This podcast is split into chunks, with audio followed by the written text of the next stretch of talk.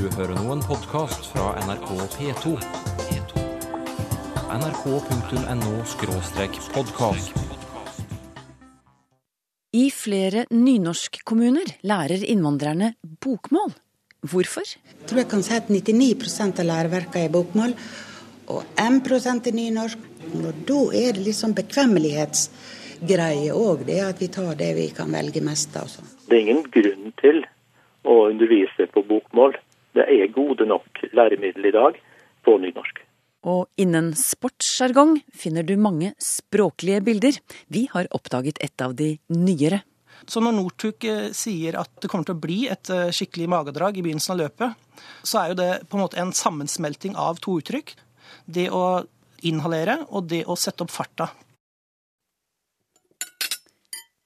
Neimen, dekker du festbord, Sylfest Lomheim? Hvem er det som kommer? Adelige. Oi, adelige? Grever. Ikke grevinner. Det er et måltid for menn. Nei, hva slags stusslig måltid blir det da, uten damer? Herremåltid. Du, det skal vi bli to om senere i sendingen. Hvorfor lærer så å si ingen av innvandrerne nynorsk?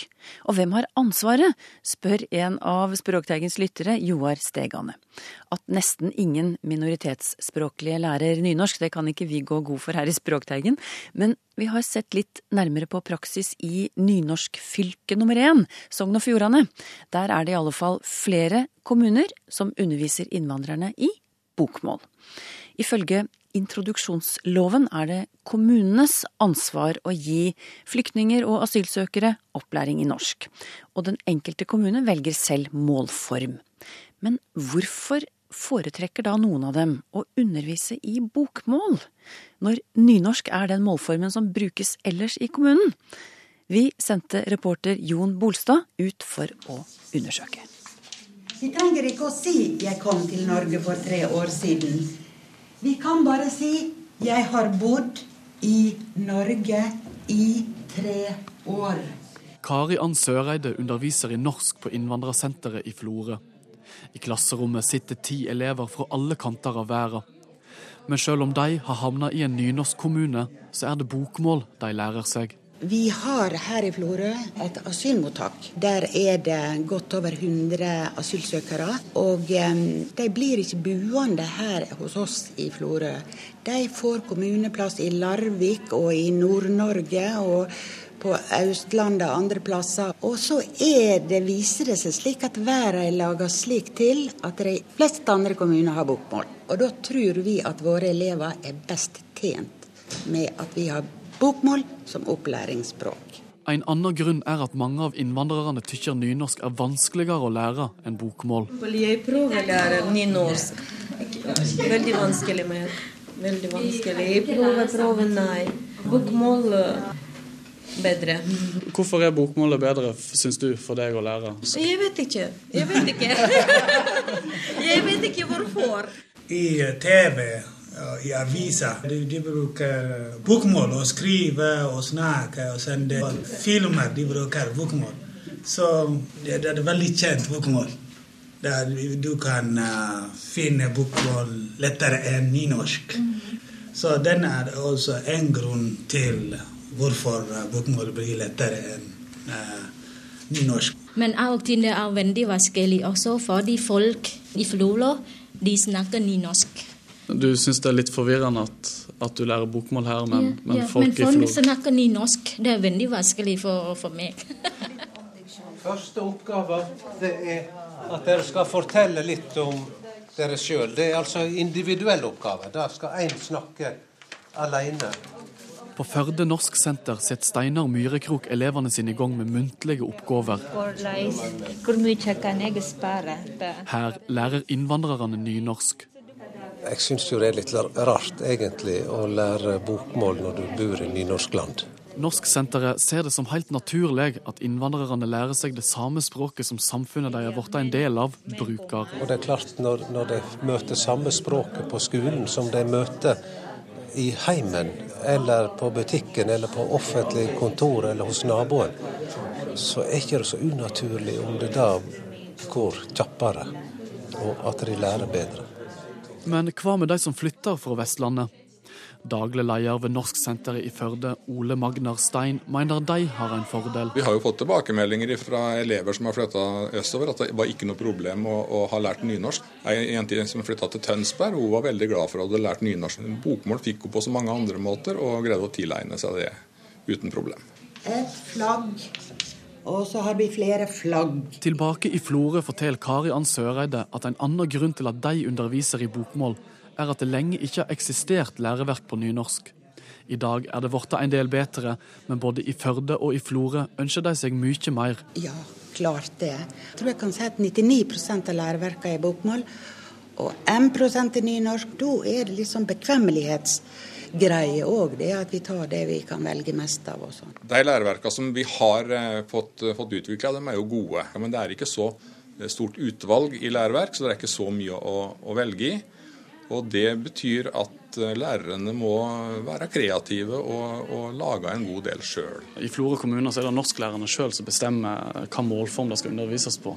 Mens i Gloppen der er det politisk vedtatt at nynorsk skal være det en lærer innvandrerne. Hvordan er det her i Førde? Vi jo hatt, hadde jo en diskusjon på det, og når jeg begynte her for eh, ni år siden, så, så var det undervist begge, i begge målformer. Og vi har etter hvert uh, funnet ut at vi skal ha alt på nynorsk hos oss. Det er ikke noe politisk vedtak på det, men en naturlig konsekvens av at vi er i en nynorsk kommune. Det var reporter Jon Bolstad fra NRK Sogn og Fjordane som hadde besøkt kommunene Flora og Førde. En liten ringerunde viser at halvparten av kommunene i Sogn og Fjordane tilbyr flyktninger og asylsøkere opplæring i nynorsk. Seks kommuner gir opplæring i begge målformer, og sju kommuner tilbyr bare undervisning i bokmål. Vi er jo ikke så veldig glad for det, da. Nei, Jan Magne Dale fra Landssammenslutningen av nynorske kommuner, LNK, han er ikke begeistret. LNK har lenge arbeidet for at innvandrere i medlemskommunene skal få lære nynorsk. Dale mener at å gi innvandrere i disse kommunene bokmålsopplæring kan få uheldige konsekvenser. Nei, Det kan jo føre til at de flytter derifra. Dette er jo veldig Mange nynorskkommuner er jo kommuner som eh, sliter med, med at eh, innbyggertallet relativt sett går ned. og En ønsker vel gjerne at eh, folk skal bli buende i disse kommunene. Og Da er det jo viktig at de lærer den målforma som eh, de aller fleste i disse kommunene bruker.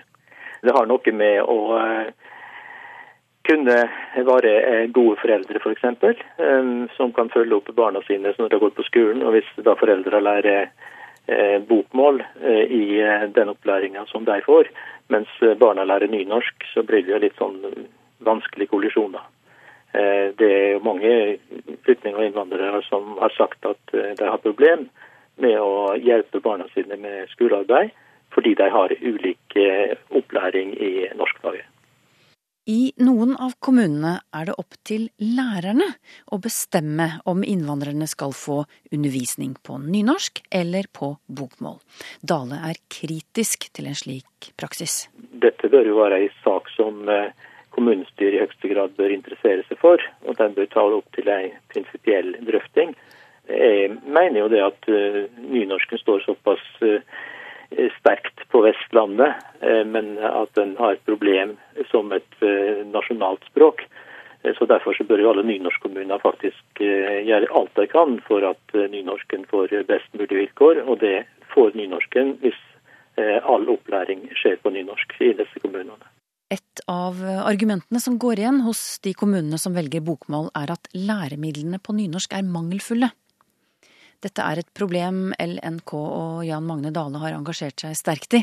Resultatet er at de siste sju-åtte årene har den statlige etaten Vox hatt ansvar for at det blir produsert undervisningsmateriell for innvandrere på nynorsk. Og Dale sitter i en gruppe som gir Vox råd om hva de skal satse på, dvs. Si hvilke læremidler som skal bearbeides fra bokmål til nynorsk. Økonomiske rammer gjør at utvalget på nynorsk bare er en liten del av det som finnes på bokmål, men det er godt nok, mener Dale. Vi arbeider hele tida for å få mer eh, materiell, undervisningsmateriell for denne gruppa eh, på eh, nynorsk.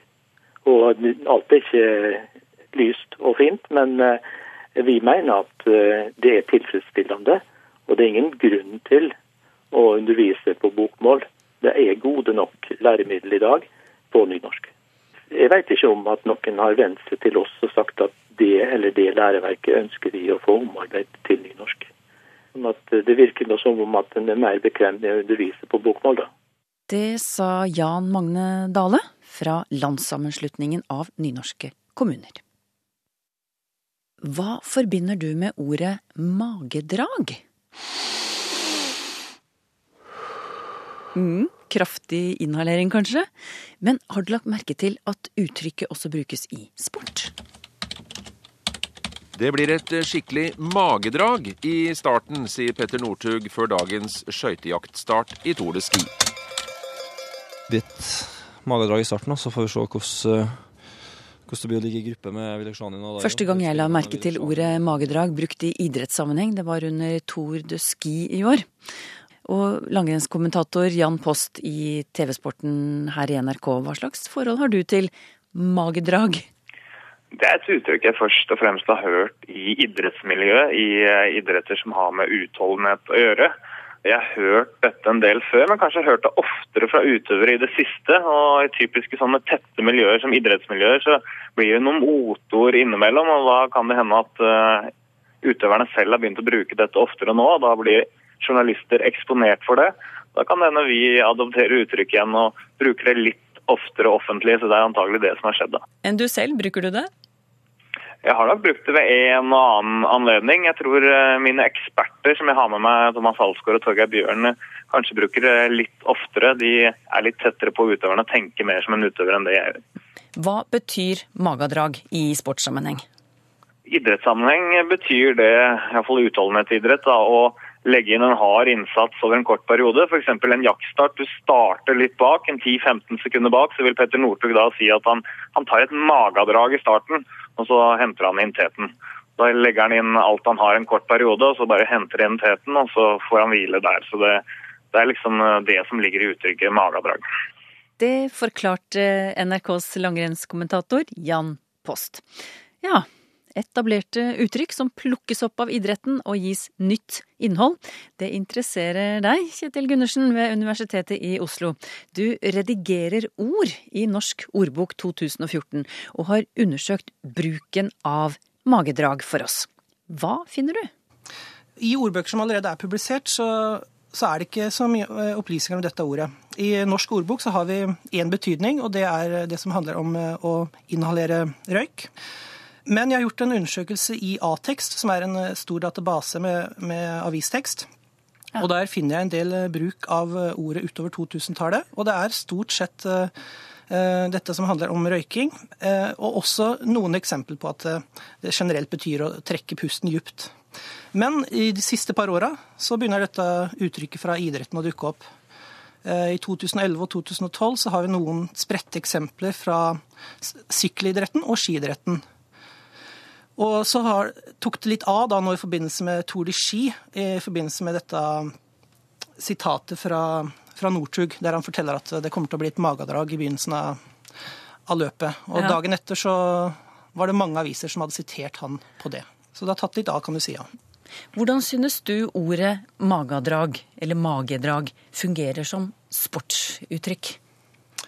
Jo, det er et, faktisk et veldig interessant og morsomt uttrykk. For på den ene sida så, så, er det jo et, et, et, uttrykk som er overført fra røykevokabular, kan du si. Men det er også et slags ordspill. Fordi eh, uttrykket 'ta et kraftig drag' eller 'ta et drag' er jo allerede etablert i idretten, men da med en annen betydning. F.eks. hvis man skal dra på joggetur, så kan man få beskjed om at det er viktig å legge inn eh, noen drag mot eh, slutten av økta. Og da betyr jo ikke det at jeg skal ta røykepause, men da betyr drag det å sette opp farta, altså et parti med, med økt fart. Så da får du denne ordspilleffekten mellom eh, det å inhalere og det å sette opp farta. Og det er det som gjør det morsomt, kan du si. da. Og så er det jo da sånn at eh, Hvis vi ser på det på den måten, altså som eh, et eh, ordspill, så er det sånn at første delen av ordet magadrag, maga, har på en måte en forsterkende effekt akkurat i det ordet. Sånn at eh, maga betyr omtrent det samme som kraftig eller maks. Northug kunne sagt maksdrag eller kraftig drag. Så det er også et element ved dette uttrykket som er litt spennende. Du mener at idretten er storforbrukere av slike språklige bilder. Det er fullt av dem i idrettssjargongen. Mener du. Hvorfor er det slik? Jo, eh, på den ene sida så handler jo sportsformidling om det å løfte fram det som er imponerende og spektakulært, og det som er spesielt. Men på den andre sida så, så, er eh, idretten også ganske rutineprega. Det er mye av det samme som blir skildra dag ut og, og, dag inn. Så det å bruke et uh, friskt språk kan da være et verktøy for å, for å motvirke et sånt rutinepreg. Altså at man, En måte å unngå at språket gjør måte idretten hverdagslig, fordi at man, det er veldig mye av det samme man beskriver.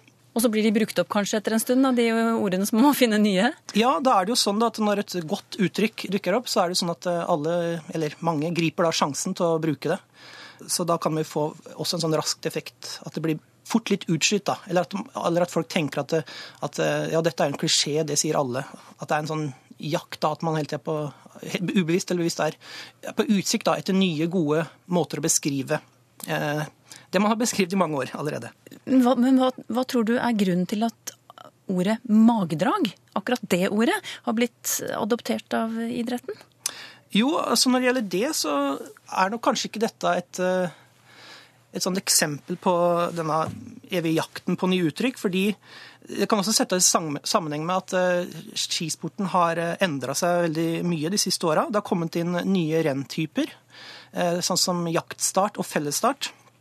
Og i f.eks. jaktstart da, så er jo evnen da, til å hente inn en, en, gruppe foran seg blitt veldig viktig. Det er blitt en veldig relevant egenskap. Og det er noe som, som man trenger å snakke om. Så du kan si at det har oppstått et kommunikasjonsbehov. Og så har dette uttrykket magedrag vist seg å være brukbart. Da. Så der er det altså språket som har eh, tilpassa seg eh, det at eh, virkeligheten da, innenfor skidretten har gått framover. Hender det at sportsmetaforer som magedrag vandrer videre også, til nye arenaer? Det skjer hele tida. Det er veldig mange sportsuttrykk som har som hopper over til andre arenaer. Ja, Har magedrag beveget seg videre allerede? Jeg har et eksempel, og det er fra i år. Eh, og det var da seks-sju dager etter dette eh, sitatet fra Northug. Avisa Hallingdølen 8. januar, så er det snakk om at eh, det blir i sitatet er slik Det blir nå tatt et skikkelig magadrag for å få Ringeriksbanen med i Nasjonal transportplan. Altså her er det snakk om eh, en lang eh, politisk prosess, og så er det noen som gjør en kraftanstrengelse, kanskje et skippertak, for å komme à jour og for å få noe med da, i planen. Så her har det fått en mer abstrakt betydning igjen. Så gjenstår det å se om det uttrykket er brukbart nok i den sammenhengen da, til at eh, det vil feste seg, da. Men det er en, et forsøk, i hvert fall. Is i rubben, ligge i skorpa, ha bra motor, ta et rykk. Idretten bruker mange språklige bilder. Kjetil Gundersen i Norsk ordbok 2014 snakket om uttrykket magedrag.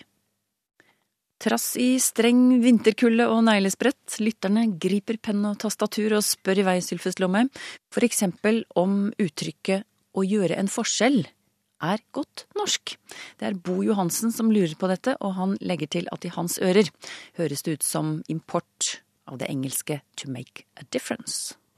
Og det siste kan jeg stadfeste. Eh, det er engelsk import. To make a difference, når vi på norsk begynte å snakke om å gjøre en forskjell. Men dette ordet fikk jo en kraftig statusheving fordi at da utenriksminister Støre ga ut ei bok for få år siden, så kaller han den boka Å gjøre en forskjell. Det handler da om politisk internasjonalt arbeid. Og eh, Dermed så er det vel vanskelig å si at det ikke er korrekt norsk, men jeg vil nok si det at de språkkresne norskbrukarane vil nok framleis sjå på dette som kanskje ikke er fullgodt og idiomatisk norsk ennå. Etter en bedre middag sitter vi her og lurer på hvor kommer uttrykket herremåltid fra, spør Mona Stang. Og hun eh, nevner også uttrykket nå har vi det som grever. Og det siste skjønner vi jo uten videre, for en greve er jo en adelsmann. Og de har det nok litt flottere og litt eh, mer luksuriøst enn folk flest, iallfall etter gammelt, da. Så, men da er vi oppe på sporet eh, for å forklare herremåltid, for dette uttrykket må vi ikke forstå som at det er et måltid for menn. Nei, for, hun, for å skyte inn, hun sier 'må jeg ta frem min aller biskeste feministmaske her'? Lurer Nei, på. Nei, det er ikke det. Da blir hun Men glad. dette uttrykket har nokre hundre år på baken. Vi må nokre hundre år tilbake i tid. På den tida at en herre, og også fru, rett og slett var adelstitler. For hvis vi går tilbake nokre hundre år, så var herre og fru ikke for alle menn og kvinner. Det var rett og slett brukt om adelige. Og da passer det veldig bra med herremåltid. Det er heilt på linje med å ha det som grever. Ole Jakob Bangstad bor i Guatemala. Han hører Språkteigen på podkast, forteller han, og så skriver han. Kanskje jeg tar helt feil etter eh, ikke å ha snakket så mye norsk til daglig de siste ti årene, men har man gått mer og mer over til å si er blitt i stedet for har blitt? Jeg syns det skurrer når jeg f.eks. leser at noen er gått over til eller er blitt voksen. Har norsken forandret seg, spør han. Eh, Nei, jeg tror ikke det, Ole Jakob Bangstad. Men det kan godt hende at hvis vi hadde undersøkt statistisk, altså frekvensen, at er blitt kanskje er mer brukt i bokmål enn har blitt. Det har jeg ikke statistikk på. Men det som er saken, er at er blitt og har blitt er fullstendig likestilte. Begge deler er korrekt. I bokmål, og tilsvarende også likestilt og korrekt begge deler i nynorsk. Er vorte og har vorte. Så da er det sleget fast. Men så må jeg legge til at de fleste som er litt sånn inne i språkbruken, mener at her er det en liten nyanseskilnad. Hvis du bruker har, altså har blitt, så ligger sjølve handlinga mer eh, tydelig i minnet, men er det er blitt, så er det mer tilstanden som er i fokus. Slik at er blitt voksen, da er du. Du har tilstanden av å være voksen nå, men har blitt voksen, da tenker vi mer på prosessen som har gått før du vart endelig voksen. Nå har du jo kommentert er blitt og har blitt, men han nevner jo også et annet eksempel. Er godt, eller om det heter har gått. Eh, Hva kan du si der? Eh, jo, det er slik at eh, dette med å velge er eller har sammen med partisippen i verb, det er jo ikke noe vi kan eh, gjøre med, med alle verb. Langt ifra. Dette med er og har som valfritt, det er typisk for rørsleverb i norsk, altså på bokmål bevegelsesverb. Og derfor er det heilt eh, typisk at å gå og å komme, der er det valfritt. Vi kan seie har gått, er gått. Har komme, er kommen. Og det er stadig vekk samme nyanse. Har vi er, så er det mer tilstanden nå. Bruker vi har, så tenker vi mer på sjølve handlinga, det som har skjedd. Anders Eikefjord Hauge skriver En mann og en fyr er for meg det samme i mange situasjoner. Hva betyr fyr, og hva er forskjellen på en mann og en fyr i vår dagligtale? Der vil jeg svare slik at en mann, det er det nøytrale ordet i norsk som kan brukes i alle sammenhenger. Nøytralt. Ein fyr, det er familiært, det er altså et slengord. Det har et annet stilnivå enn mann. Og sjølve ordet fyr har vi fra plattysk, eh, så det har kommet inn i norsk eh, i Hansa-tida, altså i, i, i Bergen. Men hva betød det den gangen, da? Nei, jeg ser at eh, det var et ord for en håndverkssvein, altså eh, og kanskje ikke av det beste slaget, eh, kanskje uten jobb i perioder, så det var ikke noe høgstatusord. Agnes Havnen fikk melding fra en dame som ikke kunne være med på et møte fordi hun hadde så mye på tallerkenen. Hun mente nok at hun hadde mye på tapetet, skriver Agnes Havnen, men hvor kommer uttrykket 'å ha mye på tallerkenen' fra? Det kommer rett og slett fra engelsk. Plenty on the plate. Og på engelsk fungerer jo dette helt annerledes enn på norsk. Vi hører jo at det her med to p-er, det blir et uh, lydrim. Plenty on the plate. Men uh, å ha mye på tallerkenen, det er ikke idiomatisk norsk. Der har vi andre uttrykk som jeg har mye på tapetet, nå er det så tett, og jeg har altfor mye Ja, vi har mange uttrykk på norsk. Flere lyttere, blant andre Gro Erlandsen, tar opp manglende bruk av preposisjon når det gjelder verbet å jakte. Gro Erlandsen skriver jeg legger merke til at journalister i radio, TV og aviser stadig oftere bruker verbet jakte, uten samtidig å kombinere det med en preposisjon. For meg høres dette rart ut, og jeg tror det er påvirkning fra engelsk, skriver hun. Eksempel kan man si at skieliten jakter medaljer, eller at Nav jakter unnasluntrere fra barnebidrag. Ja, hva syns du? Ja, hvis eh, Gro Erlandsen vil vite hva jeg syns, så syns jeg at vi bør ha preposisjon i jakta på. Men eh, å si at det er feil, heilt feil i norsk og utelata preposisjon, det blir liksom noe annet. Jeg veit hva jeg sjøl ville ha skrevet, men å si at noe annet går an eller ikke går an, det blir liksom et annet spørsmål. Så der er jeg eh, tilbøyelig til å si at ja, mitt råd er preposisjon, men det er vanskelig å si at det er feil uten. Så er det sjølve verbet å jakta, for eh, hva er sambandet mellom å jage og å jakte? Jo, der er det slik at vi har nok i utgangspunktet hatt å jage. Og verbet å jage, det har gjeve oss substantivet jakt. Og så på basis av dette substantivet igjen, så har vi laga et nytt verb å jakte.